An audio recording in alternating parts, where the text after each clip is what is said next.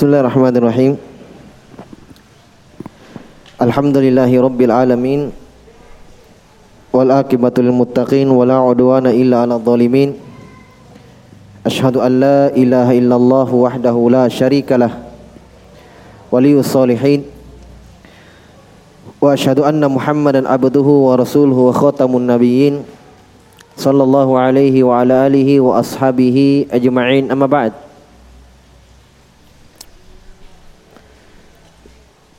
Ikhwani wa akhwati fiddin rahimani wa rahimakumullah. Alhamdulillah pada sore hari ini kita kembali dipertemukan oleh Allah Subhanahu wa taala untuk kembali bertafakuh fiddin mempelajari agama Allah Subhanahu wa taala menambah ilmu pengetahuan kita terhadap agama Allah Subhanahu wa taala. Seperti biasa di hari Kamis sore kita mengkaji satu manzumah kumpulan bait-bait syair yang berisi dengan kaidah-kaidah fikih yang ditulis oleh Syekh Abdurrahman bin Nasir As-Sa'di rahimahullahu taala dalam manzumah Qawaidul Fiqhiyah. Ya, kita masih membaca pendahuluan dari beliau rahimahullah taala jadi sekitar 10 bait ya. 10 bait itu pendahuluan. Nanti di bait ke-11 baru mulai beliau menjelaskan satu persatu kaidah-kaidah dalam fikih kaidah-kaidah fikhiyah. Tetapi bait pertama dan seterusnya sampai bait ke-11 ke-10 itu hanya pendahuluan dari beliau rahimahullahu taala. Kata beliau alhamdulillahil aliyil arfaqi wa jami'il asya'i wal mufarriqi. Ini kita sudah jelaskan sebahagian dari ucapan beliau di sini. Beliau memulai dengan puji-pujian kepada Allah Subhanahu wa taala. Alhamdulillahil aliyil arfaqi. Segala puji hanya milik Allah Subhanahu wa taala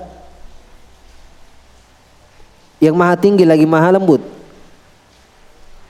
Wa jamil asya'i wal mufarriqi yang men, me, menggabungkan mengumpulkan segala sesuatu yang terpisah-pisah.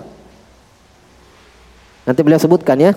Maksudnya Beliau katakan di bawah ammal hamdu fahuwa tsana'u 'ala Allah bi sifati kami, kami kamalihi wa subughi ni'amihi wa si'ati judihi wa badi'i hikmati hikmatihi. Li'annahu ta'ala kamilul asma'i was sifat wal af'al laisa fi asma'ihi ismun mazmum Masya Allah beliau sebutkan kenapa Alhamdu itu hanya diperuntukkan untuk Allah Subhanahu wa taala. Jadi alhamdu maka alif lam. Dalam Al-Qur'an di beberapa tempat Allah sebutkan alhamdulillahi rabbil alamin. Di surah Al-Fatihah, di surah Al-An'am, di surah Az-Zumar iya. disebutkan alhamdulillahi rabbil alamin. Jadi hamdun pakai alif lam.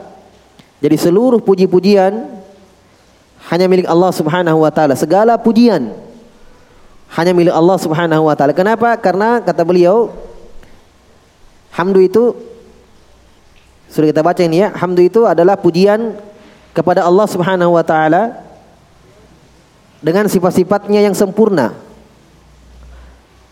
Kenapa hanya kepada Allah seluruh pujian? Kadang manusia ada yang dipuji juga ya. Manusia ada yang dipuji. Iya. Tetapi beda ketika manusia itu dipuji dengan ketika Allah Subhanahu wa taala puji-pujian kepada manusia itu hanya sebagian kecil, sedikit dari apa yang mereka dapatkan dari pujian. Tetapi untuk Allah Subhanahu wa taala segala pujian. Kenapa? Beliau katakan karena li'annahu ta'ala kamilul asma'i wa sifat. Karena Allah Subhanahu wa taala sempurna nama-nama dan sifat-sifatnya. Faham? Sifat-sifat Allah Subhanahu wa taala itu sempurna. Walaupun ada letak kesamaan dari sisi penamaan dengan sifat makhluk. Ya. Allah mendengar, Allah melihat, makhluk melihat, makhluk mendengar. Ya. Tetapi tidak ada yang sama dengan kesempurnaan Allah Subhanahu wa taala, tidak ada yang sama sifat itu dengan sifat Allah Subhanahu wa taala. Misalnya sifat pendengaran misalnya. Manusia mendengar ya. Diawali dengan mereka tidak mendengar. Ya kan? Dulu mereka masih kecil baru lahir, mereka tidak mendengar. Allah yang memberikan pendengaran kepada mereka. Kemudian pendengaran mereka terbatas. Jarak-jarak tertentu mereka sudah tidak mendengarkan suara. Kemudian pendengaran mereka diakhiri nanti dengan kepunahan, dengan kematian. Hilang pula pendengaran mereka. Tetapi Allah Subhanahu wa taala pendengaran Allah Subhanahu wa taala Allah Maha mendengar yang kecil yang besar, yang jauh yang dekat sama saja di sisi Allah Subhanahu wa taala. Ya. Jadi di sisi Allah tidak ada yang jauh, tidak ada yang dekat. Sama saja di sisi Allah Subhanahu wa taala. Beda dengan manusia, mungkin yang dekat dia dengar, kalau yang jauh tidak. Jelas ya? Itulah letak kekurangan sifat-sifat manusia. Walaupun dari sisi penamaan ada kesamaan dengan iya. Sifat Allah Subhanahu wa taala dari sisi penamaan, adapun dari sisi kaifiat dan bentuk laisa kamitsli syai' wa basir. Kata Allah tidak ada yang sempurna, tidak ada yang sama dengan Sifat Allah Subhanahu wa taala sedikit pun dan Allah Maha mendengar lagi Maha melihat. Jelas ya? Ah, antum kiaskan antum samakan seluruh sifat-sifat yang ada pada Allah Subhanahu wa taala walaupun antum lihat itu ada pada makhluk, yakini seperti itu. Yakini seperti seperti itu. Allah Maha hidup, Allahu la ilaha illa huwal hayyu al qayyum. Dialah Allah Subhanahu wa taala yang Maha hidup.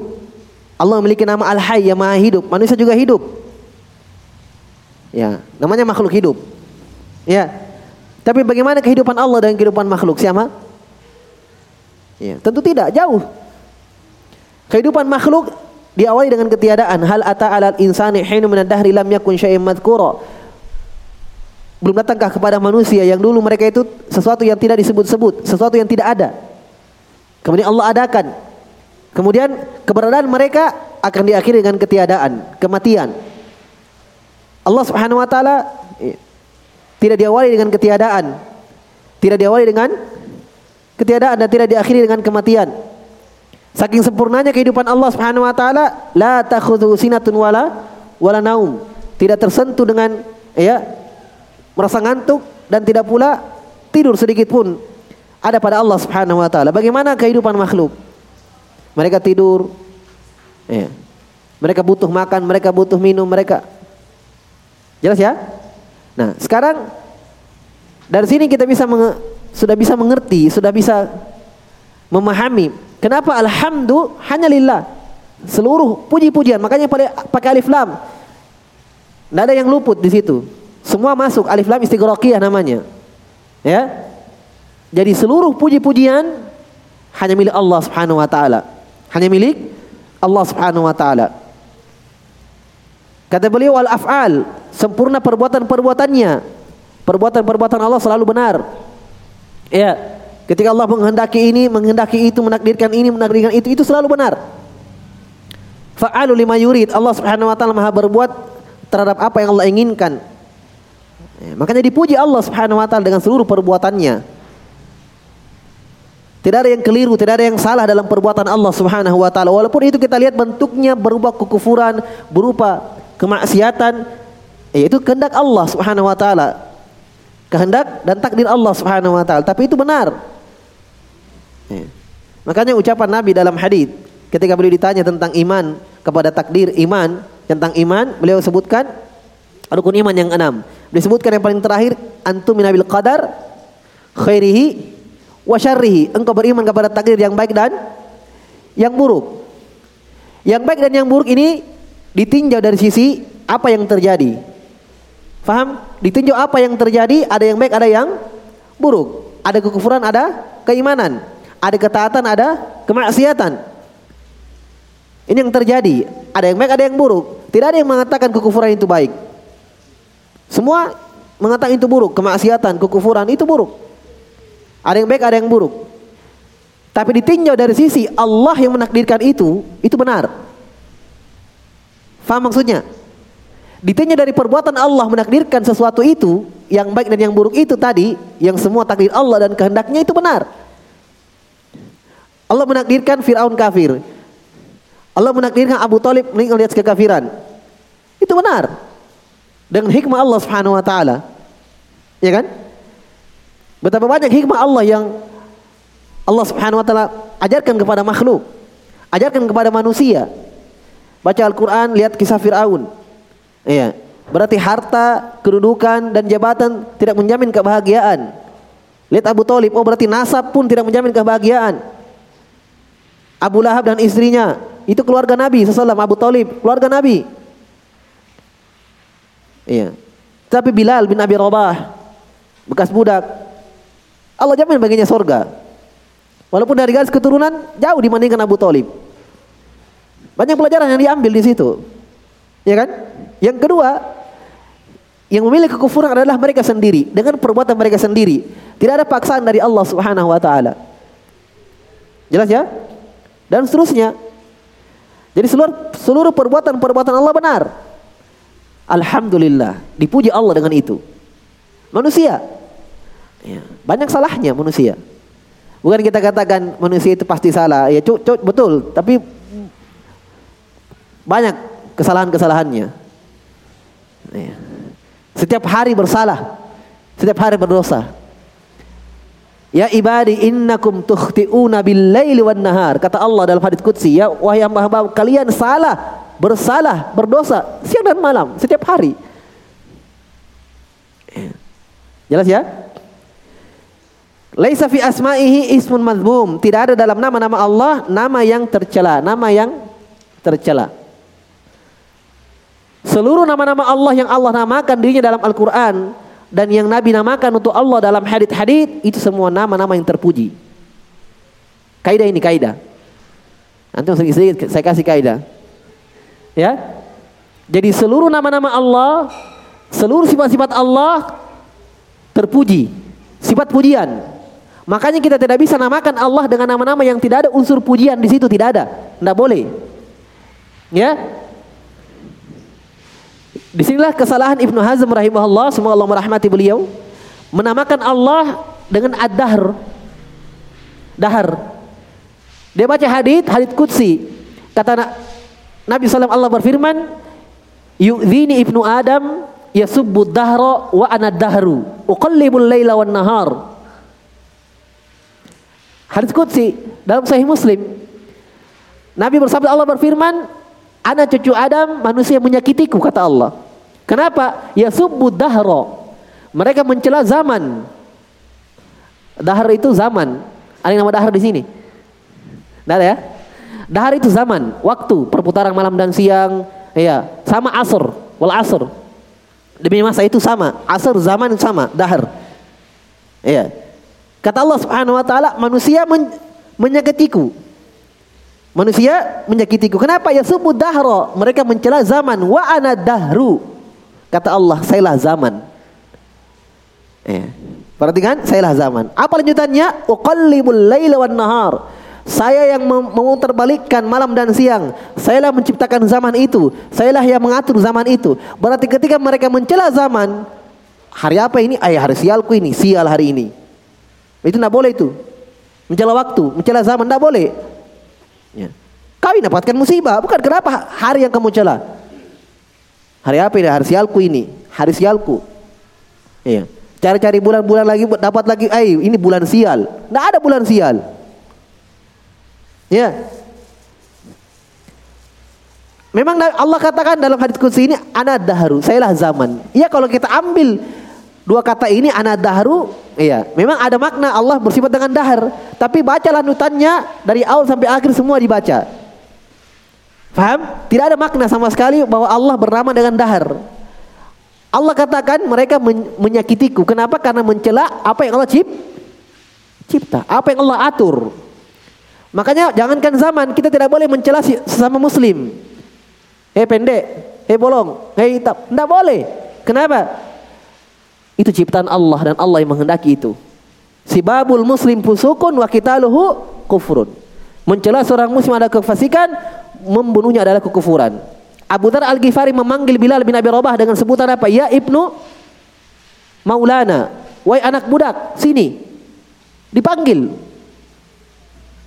Apa kata Nabi kepada Abu Dhar? Ya Abu Dhar, inna kamurun fika jahiliyah. Wahai Abu Dhar, dirimu ada sifat-sifat jahiliyah. Iya. Nah boleh merendahkan. Kenapa? Itu ciptaan Allah subhanahu wa ta'ala. Saya misal contohkan ya. Ini dibuat oleh orang. Tukangnya ada di situ. Sedang, meja apa ini? Jeleknya ini meja. Ya, kira-kira perasaannya orang yang bikin bagaimana ini? Paling bilang coba kau bikin. Iya kan? Iya. Makanya kata Allah Subhanahu wa taala manusia menyakitiku. Kenapa mereka mencela zaman? Uqallibul laila wan nahar. Kata Allah, saya lah membolak-balikkan zaman itu. Saya menciptakan dia. Maka mencela zaman mencela Allah. Secara tidak langsung mencela Allah Subhanahu wa taala. Jadi tidak ada dalil bahwa Allah itu bernama dengan dahar, zaman. Yang kedua, ini dia kaidahnya bahwa seluruh nama-nama Allah ada pujian. Sekarang zaman, apa pujiannya? Ada kemuliaan di situ zaman, waktu. Ya waktu. Ada pujian. Ya, maka batil kalau kita namakan Allah dengan dahar. Ya. Nama-nama Allah Subhanahu wa taala indah, Maha berilmu, Maha mendengar, yang di mana ini kaidah lagi. Yang di mana nama itu ketika ya tidak ada pada Allah Subhanahu wa taala maka itu kekurangan. Maka itu kekurangan. Ya. Ketika dikatakan Allah tidak mendengar, itu kekurangan. Kekurangan ajaran kepada Allah Subhanahu wa taala. Ketika kita katakan Allah tidak melihat, Allah tidak mengetahui sebagaimana keinginan orang Jahmiyah ya yang mengatakan Allah tidak ketahui perkara setelah kecuali setelah terjadinya. Sebelum terjadi Allah tidak tahu. Ini celaan kepada Allah. Ya kan? Nah, makanya kaidah dalam memahami nama-nama dan sifat-sifat Allah bahwa seluruh sifat yang makhluk senang dan ingin bersifat dengan sifat itu maka Allah Subhanahu wa taala lebih pantas untuk disifatkan dengan sifat itu. Ya tidak? Itu kaidah itu. Seluruh sifat-sifat yang makhluk ingin dipuji dengan sifat itu ya maka Allah lebih utama kita sifatkan dengan sifat itu. Makanya makhluk ya lihat bagaimana. Mereka senang kalau dikatakan pintar berilmu. Ya. Allah berilmu maha berilmu. Di antara kekurangan yang ada pada sisi makhluk ketika manusia itu tidak mendengar tidak melihat buta. Ya pendengarannya kurang. Ya dan seterusnya dari sifat-sifat ya yang ada pada manusia Taib. Bal kulluha asmaun husna, bahkan seluruh nama-nama Allah indah. Makanya alhamdulillah. Berarti hanya Allah yang berhak mendapatkan segala pujian, makhluk tidak bisa. Karena makhluk penuh dengan sifat kekurangan. Seluruh yang ada pada makhluk kurang, ilmunya kurang, ya. Ya. Allah yang beri lagi. Ya. Pernah dengarkan kisah Nabi Khidir dan Nabi Musa? Ketika mereka bertemu, dalam Sahih Bukhari. Dalam Al-Quran tidak disebutkan. Ketika mereka naik di atas perahu, ya, berdua, ada burung yang hinggap di ujung perahu. Minum dari air laut satu kali tegukan. Maka Nabi Khidir mengingatkan kepada Nabi Musa alaihi wassalam. Nabi Khidir mengatakan, "Ya Musa, tidaklah ilmumu dan ilmuku kecuali dengan ilmu Allah Subhanahu wa taala kecuali air yang diambil oleh burung itu." Subhanallah. Nabi ini ya yang bagaimana Nabi Musa alaihissalam mencari Nabi Khidir untuk belajar menuntut ilmu. Ya. Tapi Nabi Khidir mengingatkan Nabi Musa alaihissalam, ilmuku dan ilmumu dibanding dengan ilmu Allah subhanahu wa taala seperti itu. Tidak berkurang di sisi Allah subhanahu wa taala. Ya. Allah yang berikan seluruh sifat yang ada pada makhluk. Allah yang berikan itu. Jelas ya? Makanya hanya Allah yang berhak dipuji dengan segala pujian. Alhamdulillahi. Makanya untuk mengumpulkan segala pujian cuma didatangkan alif lam. Alhamdulillah masuk semua pujian itu. Jelas ya? Taib. Wala fi sifati sifatun nak sifatun naqsin wa aibin. Tidak ada dalam sifat-sifat Allah sifat yang kurang dan aib, cacat, tidak ada. Bal hiya sifatun kamilah. Bahkan sifat Allah seluruhnya sifat-sifat yang sempurna min jami'il wujud dari segala sisi. Wa huwa ta'ala jamilul af'al. Dialah Allah Subhanahu wa taala yang indah perbuatannya. Jamil, indah kan? Iya. Indah perbuatannya, maksudnya seluruh perbuatannya benar, tidak pernah keliru, tidak pernah salah. La yadhillu rabbi wa la yashqa. Allah tidak pernah sesat, tidak pernah salah dan tidak pernah ya. La yadhillu rabbi wa la yansa. Allah tidak pernah salah, sesat dan tidak pernah lupa. Kenapa kesempurnaan ilmu Allah Subhanahu wa taala? Kesempurnaan ilmu Allah Subhanahu wa taala. Lianna af'alahu dairatun bainal adil wal ihsan. Karena perbuatan Allah berputar pada keadilan dan kebaikan. Faham? Jadi ketika Allah takdirkan seseorang kufur misalnya meninggal di kekufuran Allah siksa dia itu bukan kedoliman Allah. Itu keadilan. Ketika Allah takdirkan si ulama surga itu kebaikan Allah, rahmat untuk dia, kebaikan. Jadi perbuatan Allah berputar pada dua ini, keadilan dan kebaikan. Paham? Ketika Allah takdirkan si pula bermaksiat itu keadilan. Dia memilihnya. Ya. Wa amma samuda fahadainahum fastahabbul ama alal huda. Kata Allah adapun Samud kaumnya Nabi Soleh. Kata Allah kami sudah tunjukkan kepada mereka jalan yang baik, jalan yang benar yaitu diutus Nabi Soleh kepada mereka. Apa kata Allah? Fastahabbul ama alal huda. Tapi mereka justru memilih kebutaan, kegelapan daripada petunjuk itu.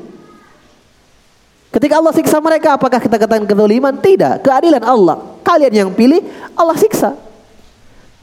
Paham?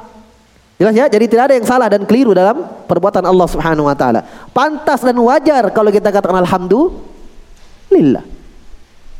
Segala pujian hanya miliknya. Segala pujian hanya milik Allah Subhanahu wa taala. Wa huwa mahmudun ala hadza. Masya Allah. Oleh karena itu Allah dipuji dengan ini semua. Indah sifat-sifatnya. Iya. Indah perbuatannya, indah nama-nama dan sifat-sifatnya.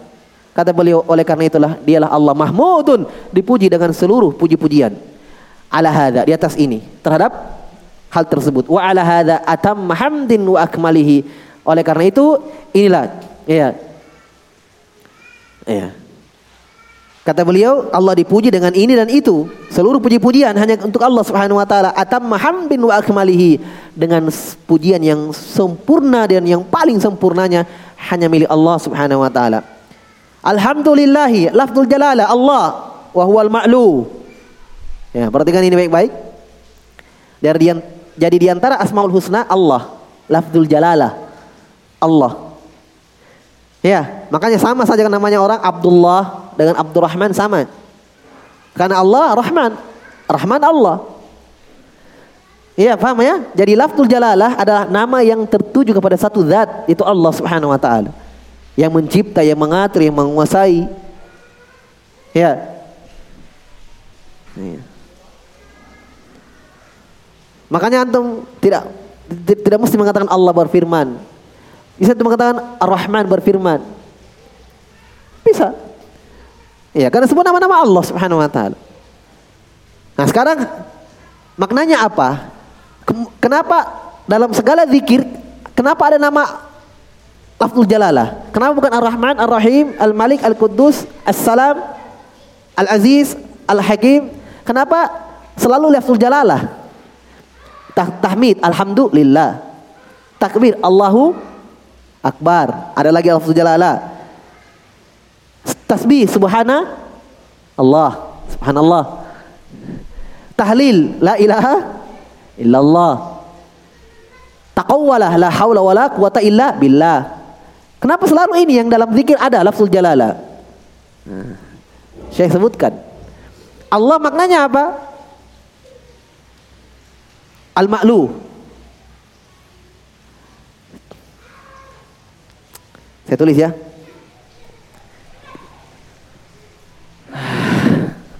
Hah? Maju.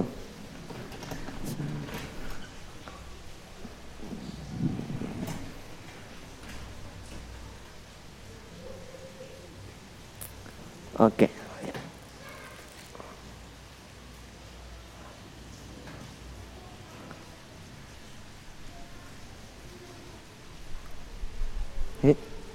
ada isinya. Warna merah apa Pak ya? No? Nah, ada isinya. Buka, buka.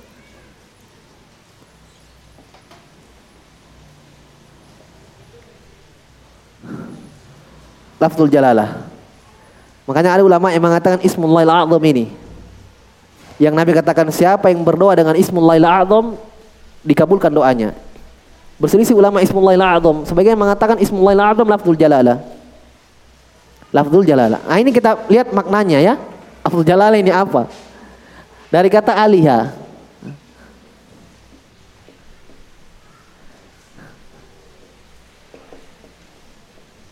Ya'lahu. Ilahatan.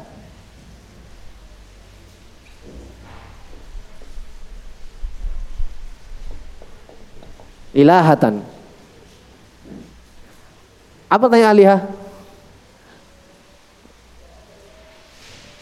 Menyembah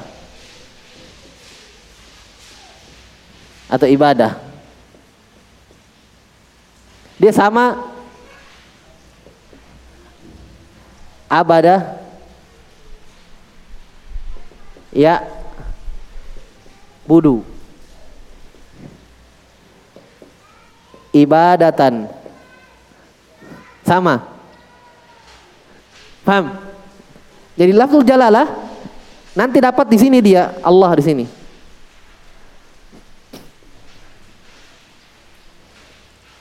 Makluh.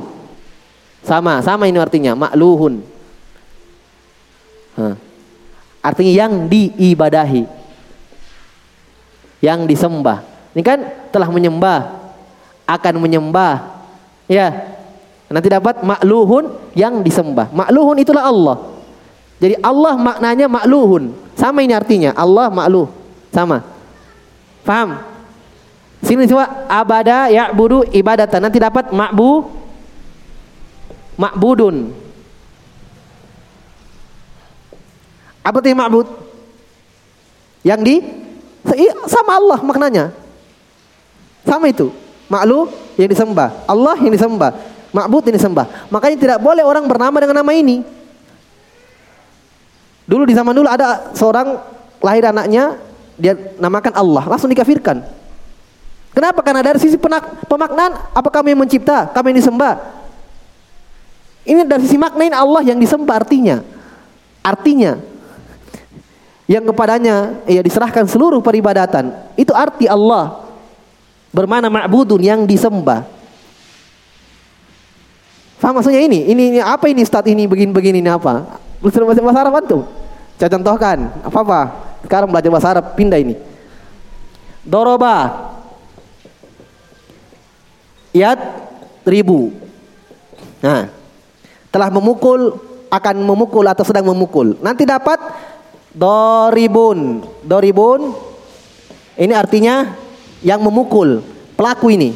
Nanti dapat mad madrubun. Nah, yang dipukul.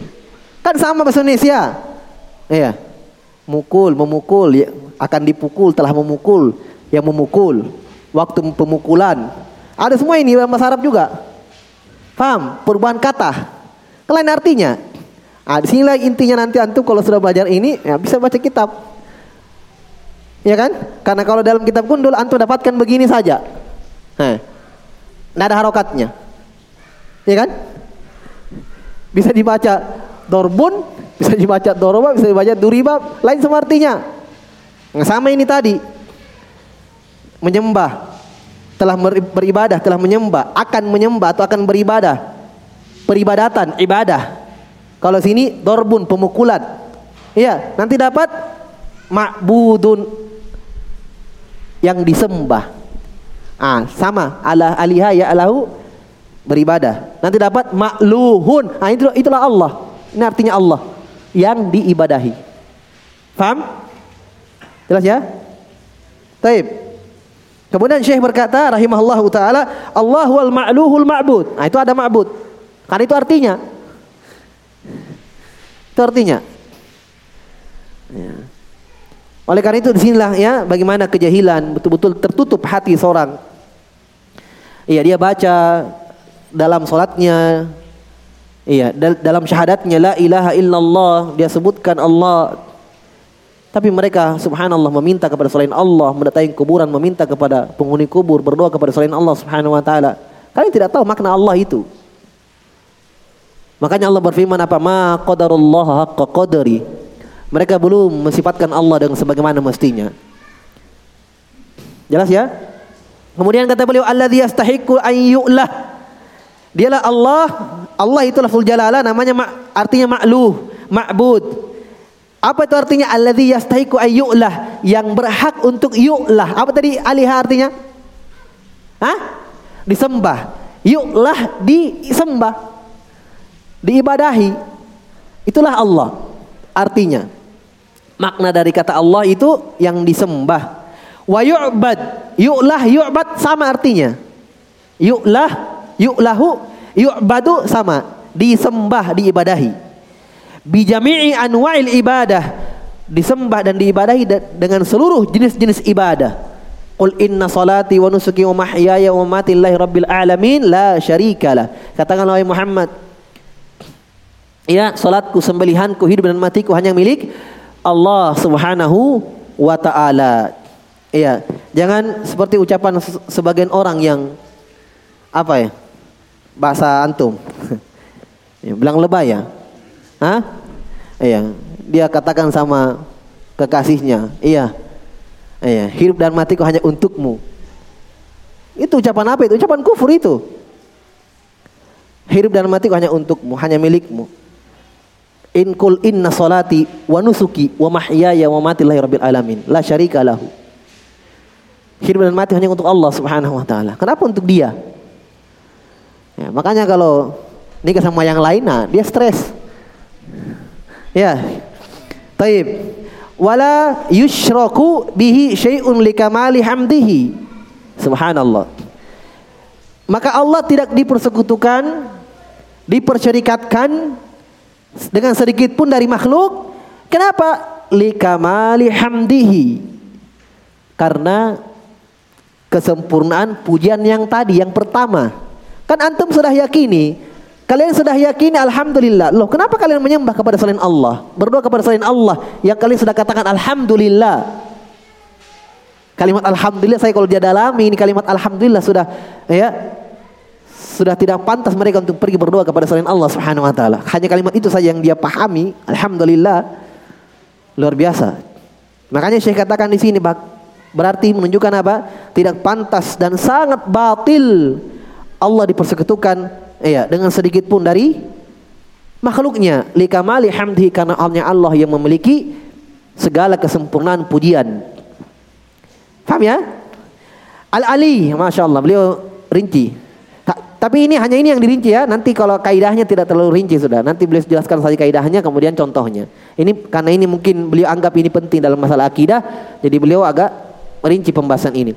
Al-Ali, nama Allah Al-Ali. Kita sudah jelaskan kemarin pada pertemuan yang lalu kenapa beliau pakai Al-Ali di sini dalam pendahuluan bukan nama Allah yang lain. Ini isyarat ya kata para ulama. Sebagaimana yang dijelaskan oleh Syekh Abdul Salam Asywair Habibullah di antara murid beliau dan seterusnya dari ulama para ulama. Ya. Beliau mengatakan Al-Ali di situ nama Allah Al-Ali yang Maha Tinggi menunjukkan apa? Ya, siapa yang mempelajari ilmu agama dia akan mendapatkan kemuliaan, ketinggian derajat. Yarfa'illahu alladhina amanu minkum walladhina utul ilma darajat. Allah Subhanahu wa taala mengangkat orang-orang yang beriman dan orang-orang berilmu di antara kalian darajat. Beberapa derajat. Makanya beliau pakai ala-ali, isyarat supaya kita faham bahwa dengan mempelajari agama Allah, dengan mempelajari ilmu agama, seorang akan mendapatkan ketinggian dan kemuliaan di sisi Allah Subhanahu wa taala. Iya. Jelas? Al-ali itu alladzi lahul ulu tam al-mutlaq min jami'il wujuh, ulu dzat wa ulu qadar, ulu qahar. Masyaallah. Ini penting ini. Al-ali ya, al-ali ya. Artinya yang maha tinggi. Ya. Orang bernama dengan Ali boleh? Boleh. Silahkan. Ali tinggi, tidak apa-apa. Ya. Yang jelas hakikat ketinggian itu beda dengan ketinggian Allah Subhanahu wa taala. Nah, yang tidak boleh bernama dengan nama Allah itu lafzul jalalah tadi. Ya, karena dari si makna yang tidak tidak bisa. Ya, masa namanya Allah disembah? Artinya. Jelas? Ya. Taib. Adapun nama-nama yang uh, selain itu, misalnya dia bernama Aziz, bukan Abdul Aziz tapi Aziz saja, nada Abdulnya boleh, boleh. Ya. Jelas ya? Bahkan dalam Al-Quran, ketika Allah sebutkan tentang kisah Nabi Yusuf, di situ namanya raja, ya, suami yang yang apa dari wanita yang menggoda Nabi Yusuf alaihissalam, namanya Aziz. Wa qalat azizil anas hashasul haq, ya kan? Istrinya Aziz, istri apa? Istrinya Aziz yaitu raja namanya Aziz. Ya, berarti boleh bernama dengan nama itu. Adapun kalau kita katakan dia dahulukan dengan Abdun di depannya, Abdul Aziz itu lebih afdol. Ya. Abdul Aziz artinya hambanya Allah Subhanahu wa taala yang maha perkasa. Taib. Nah, sekarang Ali. Ali artinya yang memiliki ketinggian sempurna dari segala sisi. Masya Allah.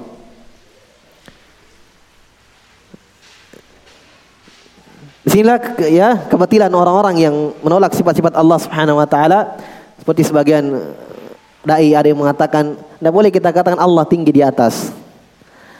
Ya, nanti sama dengan lampu. Hah? Lampu di atas. Ya, tinggi. Kalau Allah di atas berarti sama dengan lampu yang di atas. Ya. Ini kejahilan. Tidak belum mengenal Allah Subhanahu wa taala. Jadi seakan-akan di sisi mereka ini ketika ada pada makhluk yang dia lihat langsung langsung memahami kesamaan. Faham? Langsung memahami kesamaan. Makanya dengan pemikiran yang jelek itu dari mereka membawa mereka untuk apa? Menolak seluruh sifat-sifat Allah Subhanahu wa taala. Betul manusia itu bisa tinggi daripada yang lain. Naik ke atas tinggi daripada yang lain. Ya, tetapi ketinggian Allah dengan makhluk itu jauh berbeda. Bagaimana bentuk kesempurnaan ketinggian Allah Subhanahu wa taala? Ketinggian Allah, Allah di atas itu tidak ada makhluk yang melingkup Allah. Makhluk setinggi-tingginya dia naik di mana? Di pesawat. Hah? Ada lagi yang lebih tinggi dari itu? Ada, silahkan naik ke atas. Mau bagaimanapun kalian tinggi naik ke atas silahkan. Alat apa kalian pakai silahkan naik. Tetap kalian dilingkup oleh lah langit. Iya. Langit yang di atas juga ada yang melingkup dia, ada yang melingkup langit. Di atas langit masih ada langit. Sampai langit ketujuh dilingkup oleh kursi Allah Subhanahu wa taala.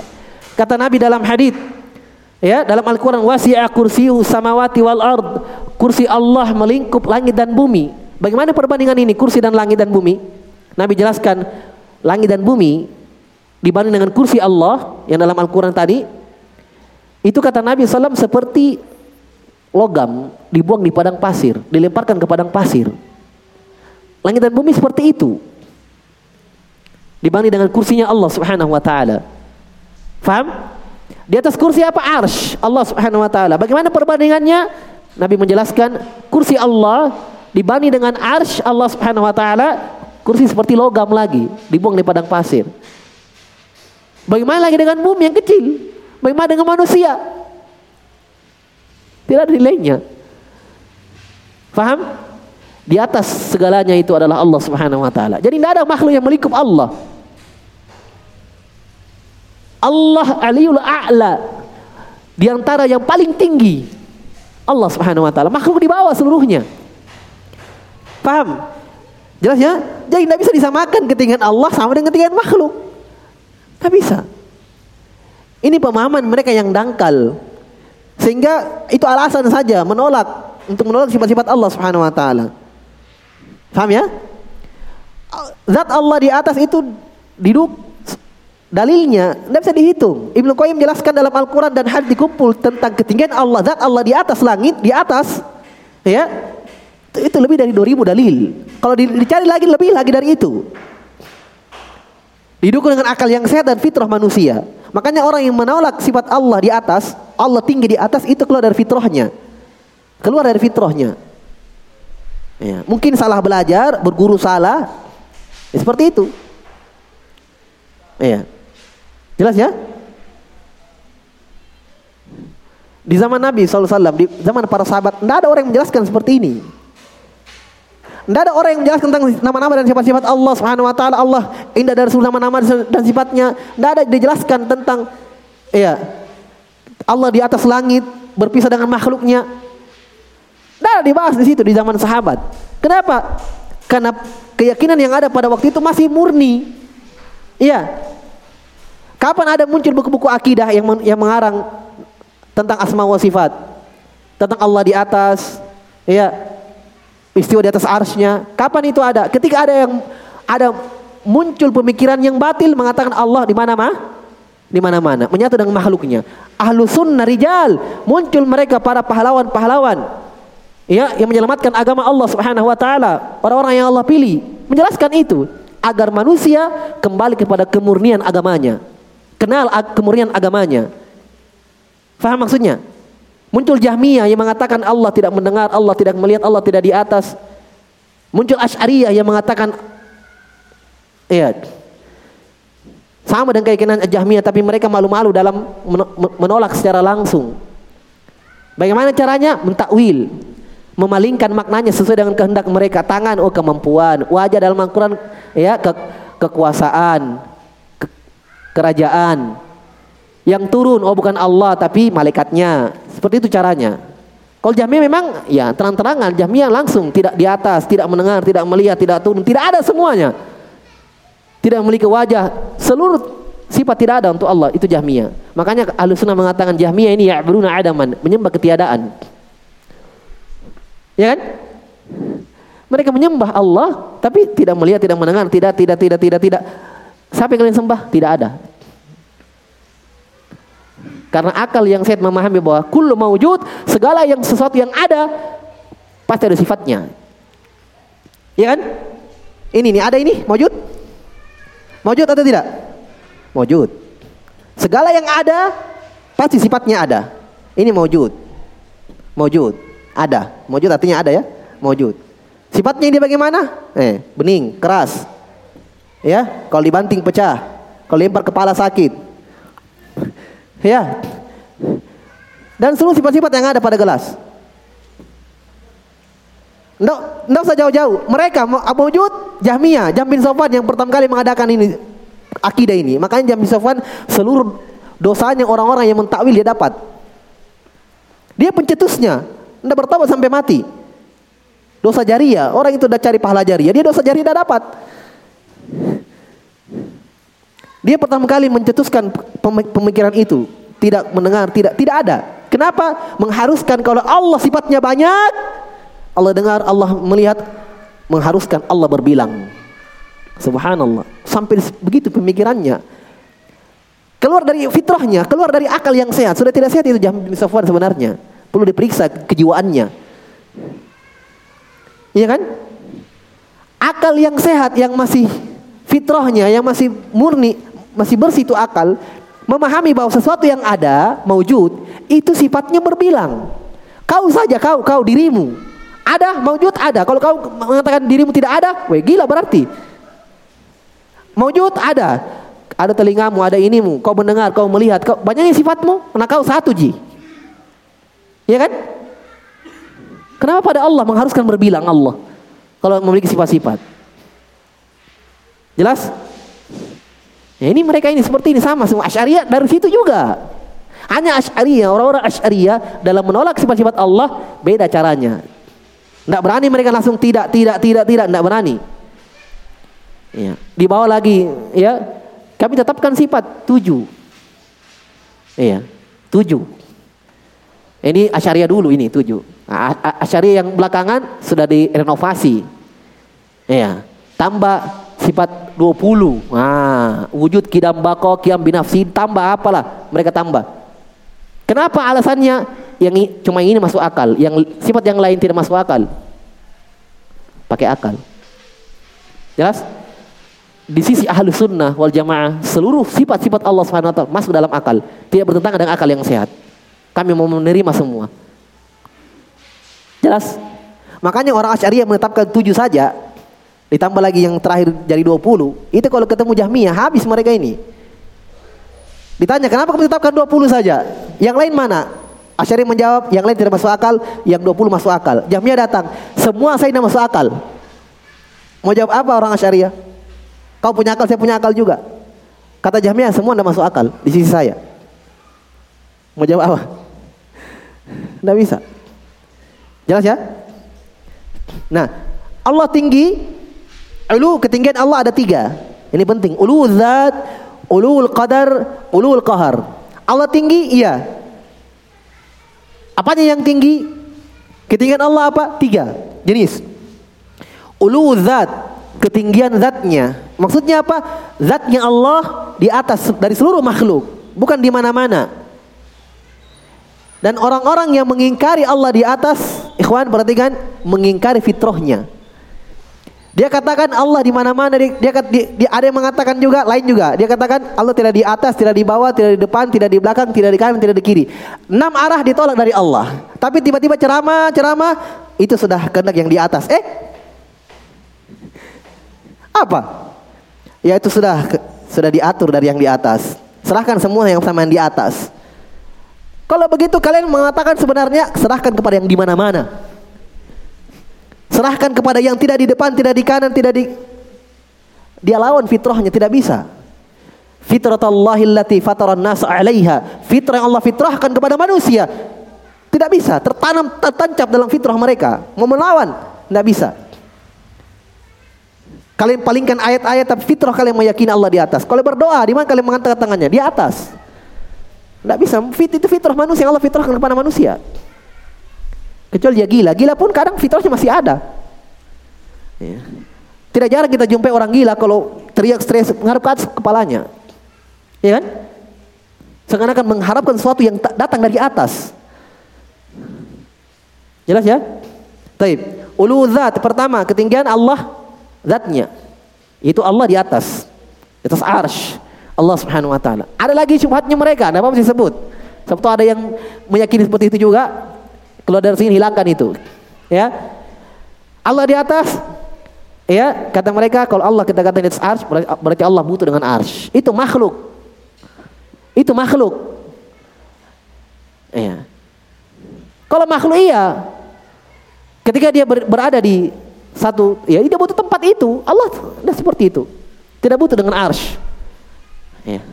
ada arsh atau tidak ya bahkan tidak ada saja makhluk semuanya Allah subhanahu wa ta'ala maha mampu jelasnya tidak butuh dengan makhluk hanya dengan kehendak Allah keinginannya dan Allah tidak ditanya dengan perbuatannya kita yang ditanya pada hari kiamat Allah ingin seperti itu Allah menginginkan seperti itu bahwa Allah Ya, di atas arsnya. Di atas arsh. Tujuh tempat dalam Al-Quran yang disebutkan. Ya. Allahu walladzi khalaqa samawati wal arda fi ayam tsumma stawa 'alal arsy. Dia Allah yang menciptakan langit dan bumi enam hari, kemudian Allah beristiwa di atas arsy tinggi di atas arsy menetap di atas arsy Tujuh tempat dalam Al-Qur'an. Yang penyebutan istiwa di atas arsy. Yang lain lagi, kenapa Ibu Qayyim sebutkan sampai 2000 dalil dalam Al-Quran dan Sunnah? Karena semua ayat-ayat dalam Al-Quran yang mengatakan kami turunkan Al-Quran, kami turunkan hujan. Berarti di mana yang menurunkan? Di atas. Itu juga dalil. Ayat-ayat yang mengatakan kami angkat ilaihi yas'adul kalimut thayyib wal amalu shalih yarfa'u. Kepadanya lah naik amal-amalan soleh, terangkat ke atas kepadanya. Kepada Allah Subhanahu wa taala. Ya Isa inni mutawaffika wa rafi'uka ilayya. Coba baca Al-Quran baik-baik. Wahai Isa, kami memanfaatkan kamu. Wa rafi'uka ilayya. Dan kami angkat engkau kepadaku. Kau diangkat kepadaku. Di atas. Jelas ya? Ulu, yang ketiga ulul qadar, ketinggian qadar. Ini ketinggian qadar, ketinggian sifat. Biasa dibahasakan oleh para ulama ulu sifat, biasa dikatakan dengan ulul qadar sama saja. Allah tinggi apanya? Sifatnya. Maksudnya tinggi sifatnya apa? Walaupun sifat itu ada pada makhluk, ada pada manusia, pendengaran, penglihatan, ilmu, ya. Tetapi sifat Allah Subhanahu wa taala berbeda dengan sifat makhluk. Sifat Allah tinggi di atas kesempurnaan. Berbeda dengan sifat makhluk yang kurang, yang penuh dengan kekurangan dan cacat. Faham? Walaupun dari sisi penamaan sama. Sama namanya enggak, enggak mengharuskan sama apa? Hah? Sama nama Nah menurutkan sama apa? Bentuk. Ya kan? Kaki, eh, gajah punya kaki, ayam punya kaki juga, sama-sama kaki. Beda sama bentuknya? Lain. Ya, anak bayi punya tangan. Enggak usah sama jenis, beda jenis. Kita samakan jenisnya. Ya, bayi punya tangan, bayi. Orang dewasa punya tangan. Sama bentuknya? Tidak. Padahal sama-sama tah tangan. Paham? Bagaimana dengan Allah? Itu makhluk loh. Ciptaan Allah. Bagaimana dengan Khalik, sang pencipta yang menciptakan makhluk itu? Ini mereka tidak bisa fahami. Padahal pada makhluk mereka fahami ini Jahmiyah Asy'ariyah. Kenapa kalian selalu samakan dengan Allah? Allah di atas sama dengan makhluk. Allah di atas butuh tempat. Kalau Allah punya tangan sama dengan manusia. Saya heran cara berpikir orang seperti ini. Padahal mungkin sekolah di luar negeri loh. Sampai S1, S2, S3, S4, S5 kalau ada. Cara berpikirnya subhanallah keluar dari fitrahnya. Manusia mereka pahami perbedaannya, kenapa pada makhluk selalu disamakan? Kau tidak bisa memahami perbedaan itu.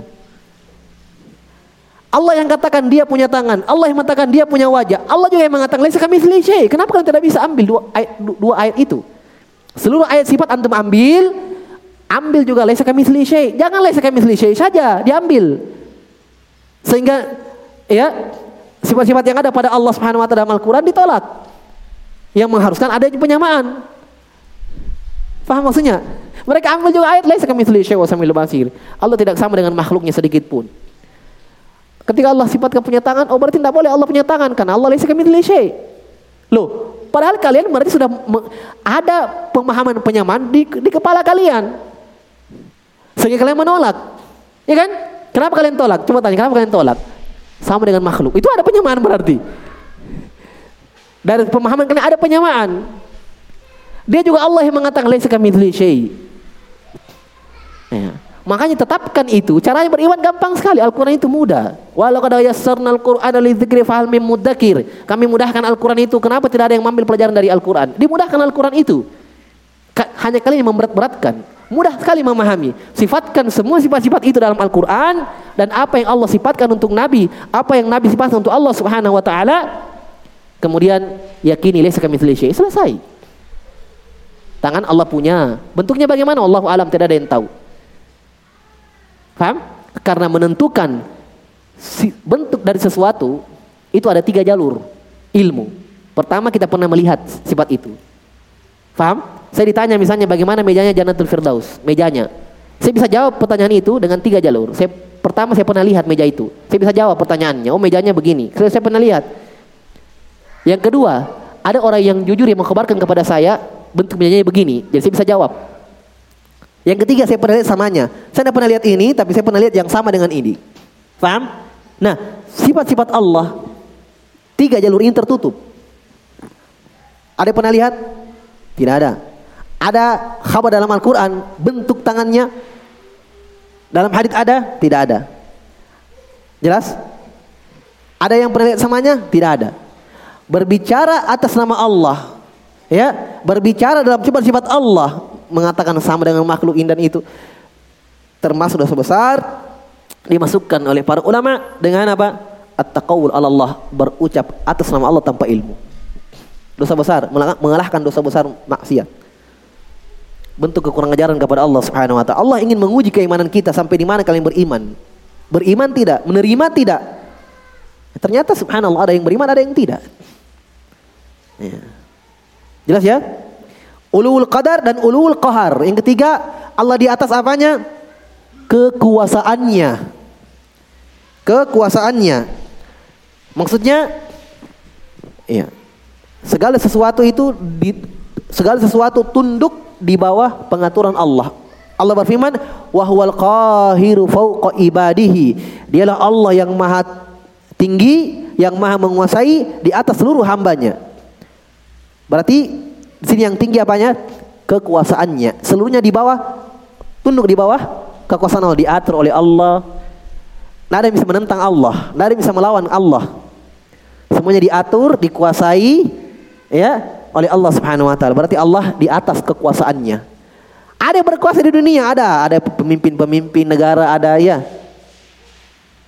Tapi kekuasaan mereka itu di bawah kekuasaan Allah. Ya kan? Ya tidak? Allah yang berikan kekuasaan kepada mereka. Ya, mereka kekuasaannya kalau digulingkan dengan yang lebih kuat bisa selesai kekuasaan mereka.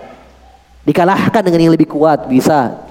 Allah Subhanahu wa taala tidak bisa bahwa al-qahir fawqa ibadi. Dialah Allah yang maha menguasai di atas seluruh hambanya. Berarti ya, paham ya? Berarti ketinggian Allah ada tiga jenis. Ulul zat, ulul qadar dan ulul al-qahar. Paham ya? Taib. Al-arfaq. Qala rahimallahu al-arfaq ay ar-rafiq fi af'alihi wa fa af'alu rifqun ala ghayatil masalih wal, wal hikmah. Al-arfaq itu adalah rafiq kelembutan. Ya, dalam seluruh perbuatan Allah.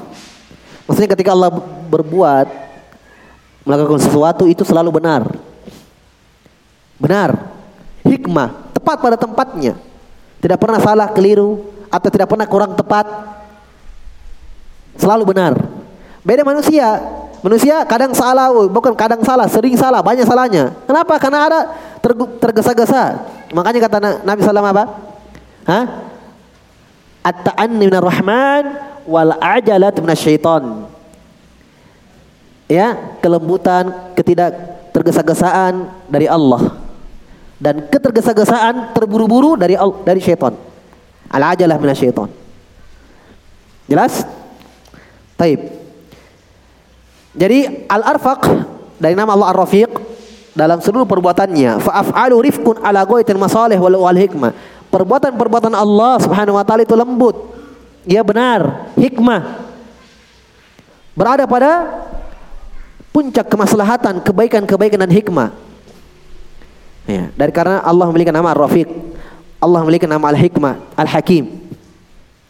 Taib. Setelah itu kata beliau wa qad azhara subhanahu li ibadihi min athari rifqihi ma yastadilluna bi ala kamali wa kamalihi wa kamal hikmatihi. Lihat bukunya ya. Ya.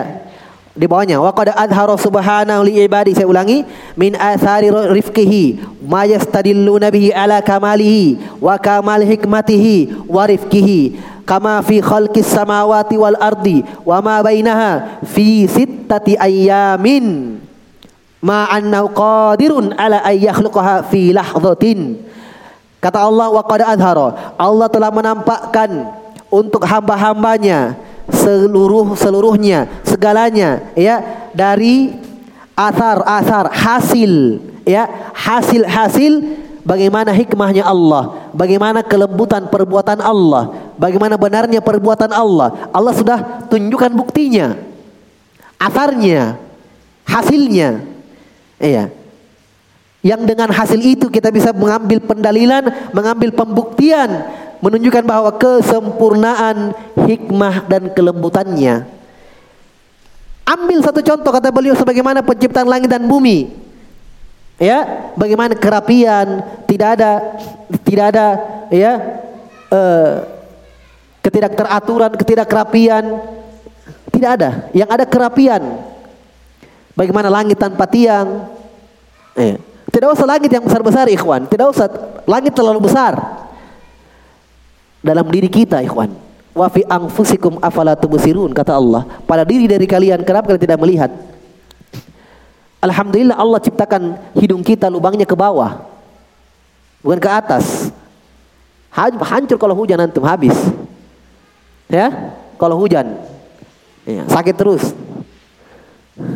Ya Allah subhanahu wa ta'ala tidak jadikan pertumbuhan alis pertumbuhan bulu mata seperti pertumbuhannya rambut Bagaimana kita berjalan dengan mata, kita melihat ke depan, kaki subhanallah. Betapa banyak ya, itu semua hasil dan bukti kelembutan Allah Subhanahu wa taala. Kata beliau, Allah menciptakan langit dan bumi enam hari.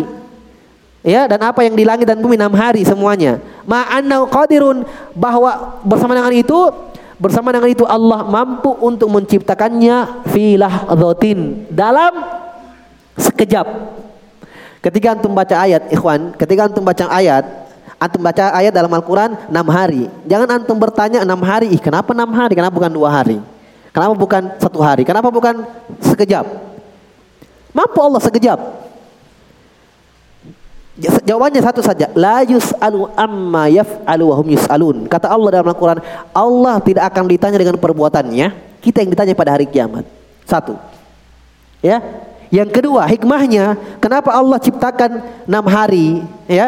Itu pun penciptaannya empat hari sebenarnya dalam Al-Quran di awal surah Fusilat fi arbati ayyamin sawa'il lisailin dalam empat hari hanya penyempurnaannya akhraj minha ma'aha wa mar'aha wal jibala arsaha. Ya disempurnakan di dialiri sungainya diberikan lautnya. Ya dihiasi langit itu dengan bintangnya ditumbuhkan pohon yang hijaunya ditancapkan gunungnya kata Allah wal jibala arsaha. Semuanya apa? Mata lakum wali amikum perhiasan untuk kalian dan makanan untuk binatang-binatang kalian. Disempurnakan ditambah dua hari. Semua penyempurnaannya enam hari Paham? Allah mampu dalam sekejap kata Syekh. Hanya Allah ingin mengajarkan kita bahwa segalanya butuh proses. Ya. Allah mampu dalam sekejap langsung muncul semua. Kita juga kalau langsung diciptakan langsung saja muncul, langsung berkumis. Mampu Allah Subhanahu wa taala. Hanya ada prosesnya. Ciptakan dari air mani, ya. Dalam perut ada prosesnya. Dari air mani jadi segumpal darah, dari segumpal darah menjadi segumpal daging, dari segumpal daging diciptakan tulang belulang padanya, ciptakan jari-jarinya, ada kakinya. Agar mengajarkan kepada kita bahwa segala apa yang kita inginkan itu ikhwan tidak ada yang instan. Itulah kehidupan. Mau masuk surga ada sebab-sebabnya. Ya kan? Mau menikah ada sebab-sebabnya. Cari rezeki uang dulu untuk panai. Ah. Segala apa yang kita inginkan itu butuh. Iya, perjuangan. Memang itulah hakikat penciptaan kita. Ya ayyuhal insanu innaka kadihun ila rabbika kadhan famulaqihi. Wahai manusia, kalian dicipta oleh Allah Subhanahu wa taala untuk kadih, untuk berusaha. Kadhan dengan usaha yang keras, yang kuat.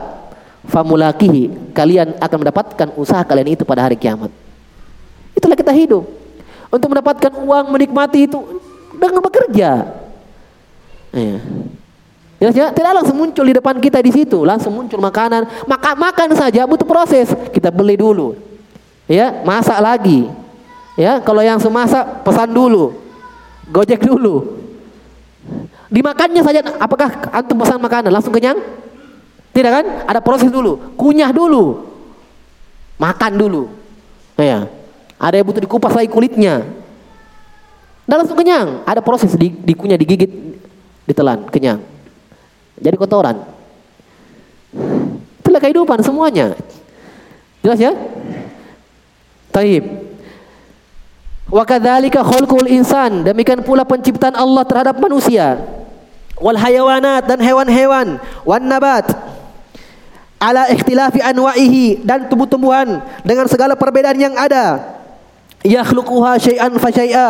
Allah menciptakan semuanya syai'an fa sedikit demi sedikit hatta tantahiya wa takmula sampai selesai dan sempurna.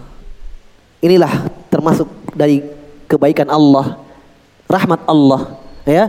Kebaikan Allah Subhanahu wa taala. Ketika Allah ciptakan kita apakah setelah dicipta langsung seperti itu? Hah?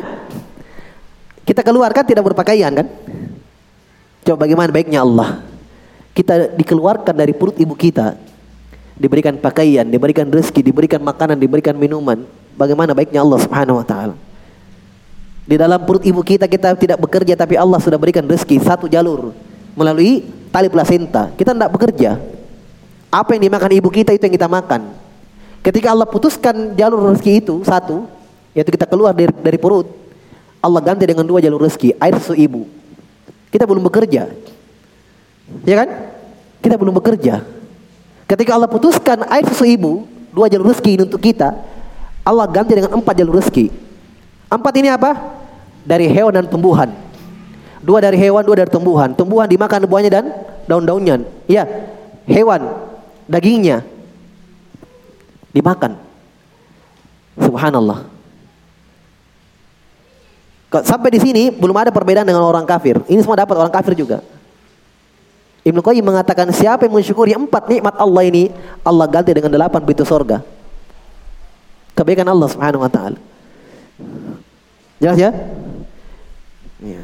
Sabbih isma rabbikal a'la alladhi khalaqa fasawwa. Pujilah nama Allah, bertasbihlah wahai Muhammad, pujilah Allah Subhanahu wa taala yang mencipta. Fasawwa. Apa makna fasawwa di situ? Hah? Menyempurnakan penciptaanmu. Pujilah Allah yang menciptakanmu ya Muhammad dan fasawwa dan menyempurnakan penciptaanmu diberikan pakaian, diberikan rezeki, diberikan pasangan hidup, diberikan Masya Allah. Itu adalah bentuk penyempurnaan. Jelas ya? Taib. Ma'akudrati ala takmiliha fi lahdatin. Bersama dengan itu Allah mampu untuk menyempurnakan semuanya dalam sekejap. Allah mampu. Tidak ada tidak Allah tidak mampu. Tidak ada yang keluar dari kemampuan Allah. Walakinnahu rafiqun akan tetapi Allah lembut dan hikmah rafiq. Mana rafiq? Itu makna ar-rafiq. Hikmah Allah. Iya. Famin hikmatihi dan dari hikmahnya warifki dan kelembutan Allah dan hikmahnya iya tatwiruha fi hadal atwar bagaimana Allah menciptakan menghendaki ada tatwir atwar proses fase demi fase dalam kehidupan. Ya, kita juga masuk sorga. Apakah ya, seperti itu? Tidak. Ada fasenya, ada prosesnya kita lewati. Pada hari kiamat ada hari kebangkitan dikumpulkan manusia. Ya kan? Ya. Dan seterusnya. Fala tunafi baina qudrati wa hikmati dan tidak bertentangan antara kemampuan dan hikmahnya. Kama annau yaqdiru ala hidayati dhalin. Sebagaimana Allah mampu untuk memberikan hidayah kepada orang yang dhalin, sesat. Lakin hikmatuh tapi hikmah Allah iktadat ibqa'ahum ala dhalalihim adlan minhu ta'ala laisa dhulman. Tapi karena hikmah Allah ini dalam ini dalam. Ini kalau kita urai semua sampai besok. Tapi perhatikan, Allah mampu memberikan hidayah kepada semua orang yang sesat. Tapi hikmah Allah berkehendak lain. Allah berkeinginan agar mereka tetap di atas kesesatannya, tetap di atas kekufurannya. Keadilan dari Allah Ta'ala, bukan kedoliman. Mereka yang mencari itu. Sudah dijelaskan kebenaran. Kata Nabi, Taraktukum alal bayda. Saya tinggalkan kalian dan sesuatu yang putih. Lailiha kana hariha. Malamnya sama dengan siangnya. Saking jelasnya itu Al-Quran dan Sunnah. Allah tinggalkan kita, Nabi tinggalkan kita dengan dua perkara. Idza tamassaktum bihi malan tadilu abada. Kalau kalian pegang teguh dua ini, kalian tidak sesat selama-lamanya. Al-Qur'an, kitabullah, sunnati. Kenapa kalian memilih jalan yang lain? Allah siksa kalian ya. Keadilan Allah Subhanahu wa taala. Paham ya? Mungkin kita bertanya, Ustadz, wah ini mungkin ini ya, ini mengganjal ini dalam masalah takdir sebenarnya ini. Ustaz, kenapa Allah tidak takdirkan semua saya beriman surga semuanya? Itu maumu. Hah? Ya. Hikmah Allah tidak. Yang Allah takdirkan terjadi ada yang beriman, ada yang tidak. Padahal secara syariat, secara yang Allah inginkan terjadi, ya, yang Allah cintai, yang Allah inginkan, mereka beriman semua. Buktinya mana? Allah utus al Nabi Sallam, ada Al-Quran. Nabi Fir'aun saja diutus kepada kepada dia Musa alaihissalam, bahkan dikuatkan dengan saudaranya Harun alaihi Berarti Allah inginkan Fir'aun apa? Beriman kan? Tapi dia yang pilih itu. Iya. Ustadz kenapa Allah takdirkan tapi Allah tidak suka? Betul Allah tidak suka kekufuran. Wala kufur. Allah tidak suka dengan kekufuran. Tapi kenapa Allah takdirkan terjadi? Kenapa Allah takdirkan terjadi? Fir'aun kufur dengan kehendak Allah. Kenapa Allah takdirkan terjadi? Pada manusia saja, kadang mereka melakukan sesuatu ya yang dia tidak suka, ya, tapi dia tetap lakukan. Contoh minum obat. Dia tahu ini pahit. Kenapa dia telan? Padahal dia tahu ini pahit ini sampai dia minum itu dia minum tutup hidungnya. Ya, siapkan lagi gula. Kenapa dia minum? Ada masalah ikhwan, ada masalah yang dia cari. Datang kepada dokter, oh ini tangan saya sudah busuk. Dokter mengatakan ini virusnya akan menyebar. Tidak ada yang lain dia putasi. Apa kira-kira yang dia akan lakukan orang ini? Potong atau tidak? Potong pasti daripada mati. Dia lakukan. Bahkan keluar biaya lagi. Dia rela dengan itu. Yang penting tetap hidup. Kenapa dia lakukan? Hah? Ada maslahat. Ada kebaikan yang besar di balik itu. Kenapa Allah tidak bisa? Tidak usah bahas Fir'aun kenapa dia kafir, kenapa Abu Lahab. Ibnu Qayyim bahas kenapa Allah ciptakan iblis. Itu saja intinya. Karena kalau tidak ada iblis semua orang beriman. Ya kan? Itu pusatnya di situ. Kenapa Allah ciptakan iblis? Ya, sehingga ada kekufuran. Ya. Ibnu Qayyim bahas hikmahnya puluhan kata beliau ini masih sedikit Oh ada ada yang ada yang kufur, ya ada iblis, ada yang kufur, ada yang dengan dari situlah nampak nama-nama Allah di antaranya At-Tawwab. Allah mau menerima taubat. Kalau tidak ada yang bermaksiat semua beriman di surga, semua manusia seperti malaikat, tidak ada yang salah, tidak ada yang berdosa. Bagaimana antum mau melihat nama Allah At-Tawwab? Allah mau menerima taubat. Al-Ghafur, Allah mau mengampuni. Siapa yang mau diampuni? Hah? Masalahnya semua orang masuk surga, ada yang berdosa. Kalau begitu usah hidup, langsung di dalam surga saja, kan begitu. Itulah kehidupan ikhwan. Walladzi khalaqal mauta wal hayata liyabluwakum ayyukum ahsanu amala. Itulah kehidupan. Kalau tidak seperti itu orang di, tetap di surga saja.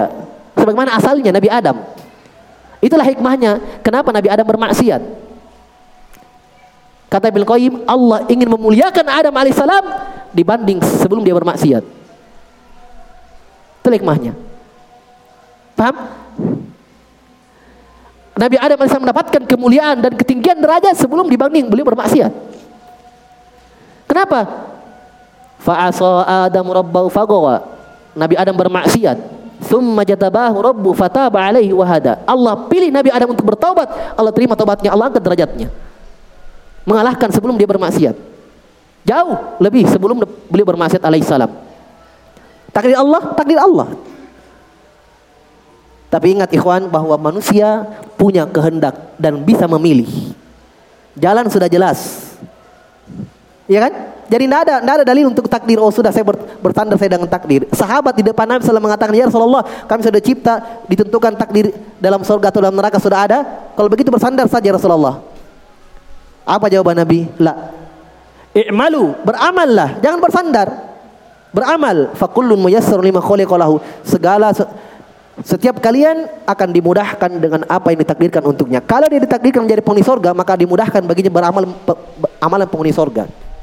Kalau dia menjadi penghuni neraka pada hari kiamat, berarti dia dimudahkan oleh Allah juga beramal dengan amalan penghuni neraka. Makanya ketika melihat diri kita bergelima dengan dosa, pindah. Rubah takdirmu dengan takdir yang lain. Ketika kamu saya ber, eh saya ini bermaksiat dosa, berarti takdirku ini. Takdirku ini, dari mana kamu tahu takdirmu? Hah? Kenapa kamu tidak pergi puasa, sholat, malam, baca Quran di masjid? Kau katakan takdirku juga? Hah? Tidak ada. Tertutup hujah pada hari kiamat dengan takdir. Tertutup. Dengan adanya Al-Quran dan diutusnya Rasul. Antum tak berada dengan takdir. Itu hujah orang musyrikin. Musyrikin apa kata dalam Al-Quran? Kata mereka, Lau Allahumma asyrokna wala abauna.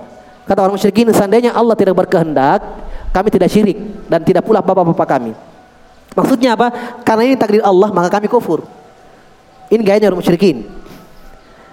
Karena kalian tidak mentauhidkan Allah, mengikuti seruan Muhammad SAW, kalian mengatakan itu takdir Allah juga. Paham ya? Taib.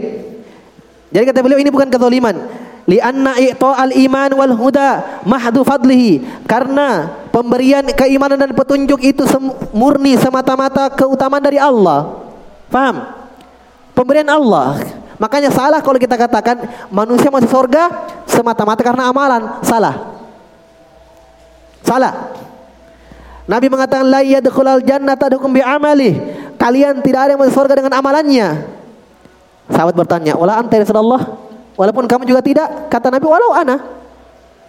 Jadi tidak ada manusia masuk surga disebabkan karena semata-mata amalannya, tidak ada. Walaupun Nabi. Terus apa sebabnya? Nabi menjawab, illa ayyataghammadani Allah birahmatihi. Karena Allah selalu menaungi saya dengan rahmat dan keutamaannya. Itu sebabnya. Kenapa kita, tidak boleh mengatakan semata-mata amalan? Karena amalan kita ikhwan kecil. Dibanding kebalasan Allah tidak setimpal. Paham? Berapa tahun sih kita beramal? Hah? Ngaji berapa tahun? Baru ngaji kan? Sudah Alhamdulillah kalau yang sudah lama. Berapa tahun? Itu beramal 20 tahun, 30 tahun, 60 tahun. Tidak cukup. Dengan dibanding pemberian Allah Subhanahu wa taala. Siapa yang berikan kita kekuatan untuk beramal? Allah. Siapa yang berhidayah mengenal kebenaran? Allah. Semua Allah. Siapa yang balas? Allah lagi. Jelas? Tidak sebanding dengan amalan kita. Jelas ya? Makanya saya katakan semata-mata pemberian Allah. Kalau Allah buat kita futur, ya, tidak bisa apa-apa. Allah yang membolak-balikan hati manusia. Allah jaga kita ikhwan hidayah itu Allah selalu gerakkan hati kita untuk belajar, belajar, belajar, belajar. Itu Allah inginkan kebaikan untuk kita. Tidak ada yang lain. Hanya kadang kita yang menjauh. Ya sudah ketika kita menjauh Allah jauhkan. Falam mazagu azagallahu. Ketika mereka menjauh kata Allah berpaling, Allah palingkan mereka karena kemauan kalian sendiri. Jelas ya? Fa mana mana'ahu ahadan lam yu'adda zaliman la siyama idza kana al-mahallu ghairu qabil li ni'am. Masyaallah subhanahu wa ta'ala. Ketika Allah halangi dari seseorang hamba hidayah itu, petunjuk itu lam yu'addu zaliman. Bukan kezaliman sama sekali. La siyama apalagi idza kana mahallu tempat hidayah. Saya tanya ikhwan, tempat hidayah di mana?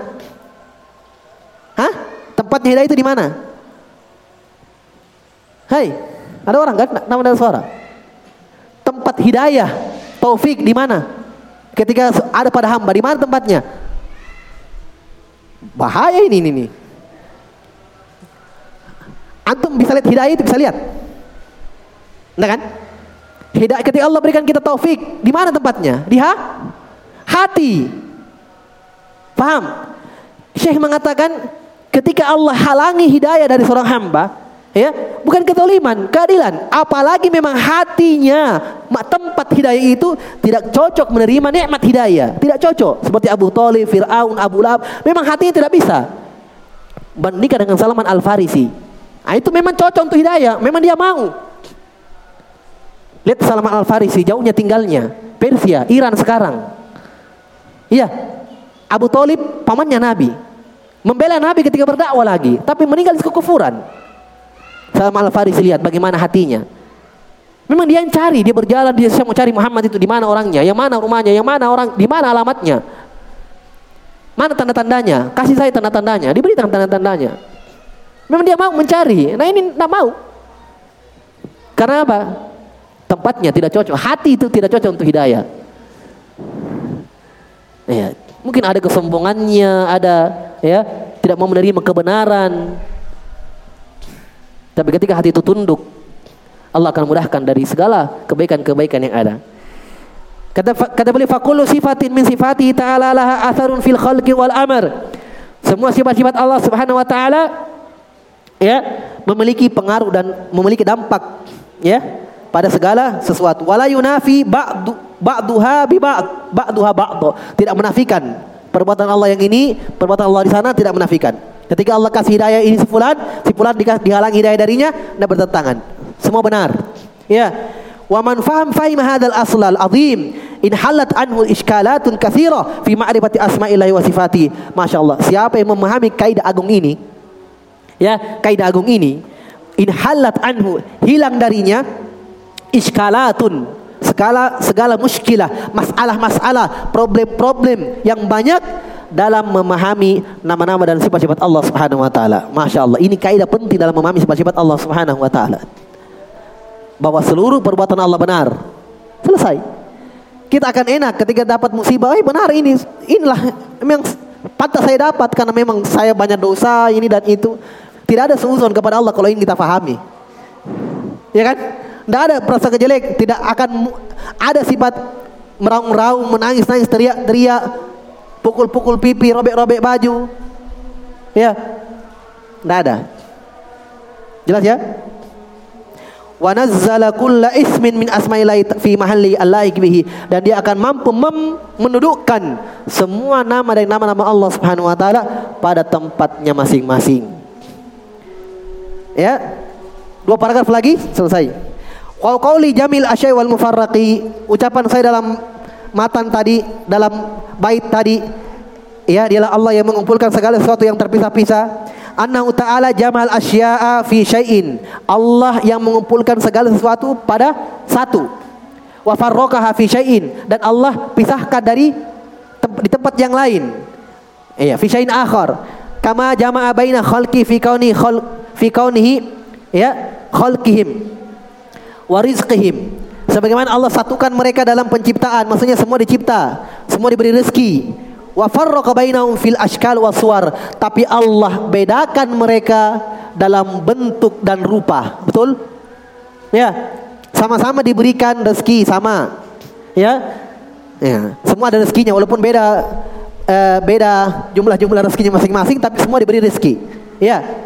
Tapi Allah bedakan hal yang lain. Allah bedakan ya ciri-ciri orang itu manusia itu bentuk dan rupa ya Tul wal kisor, panjang dan pendek, tinggi dan pendek. Sawad wal bayat, hitam dan putih.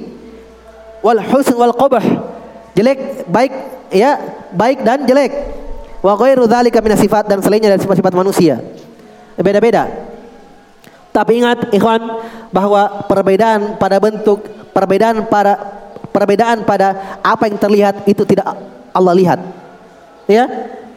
Inna Allah la yanzur ila suwarikum wala ila ajsamikum walakin yanzur ila qulubikum wa a'malikum. Allah tidak melihat pada rupa-rupa kalian, bentuk tubuh kalian.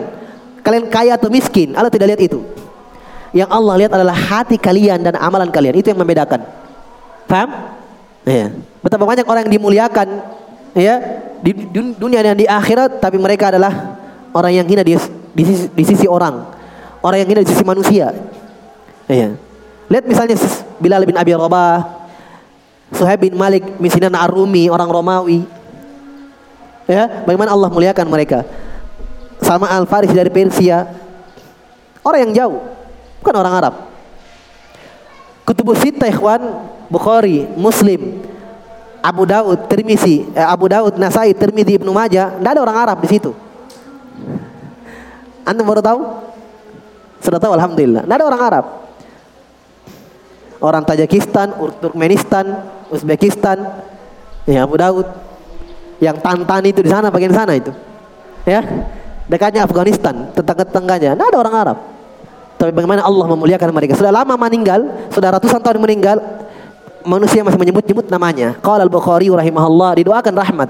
Qala al-Muslim rahimahullah taala. Qala Abu Daud rahimahullah. Jelas ya? Ya. Kullu hadza sadirun an kamali qudratihi wa hikmatihi wa wad'ihi al-asya'a mawdi'aha mawadi'aha al-laiqati biha.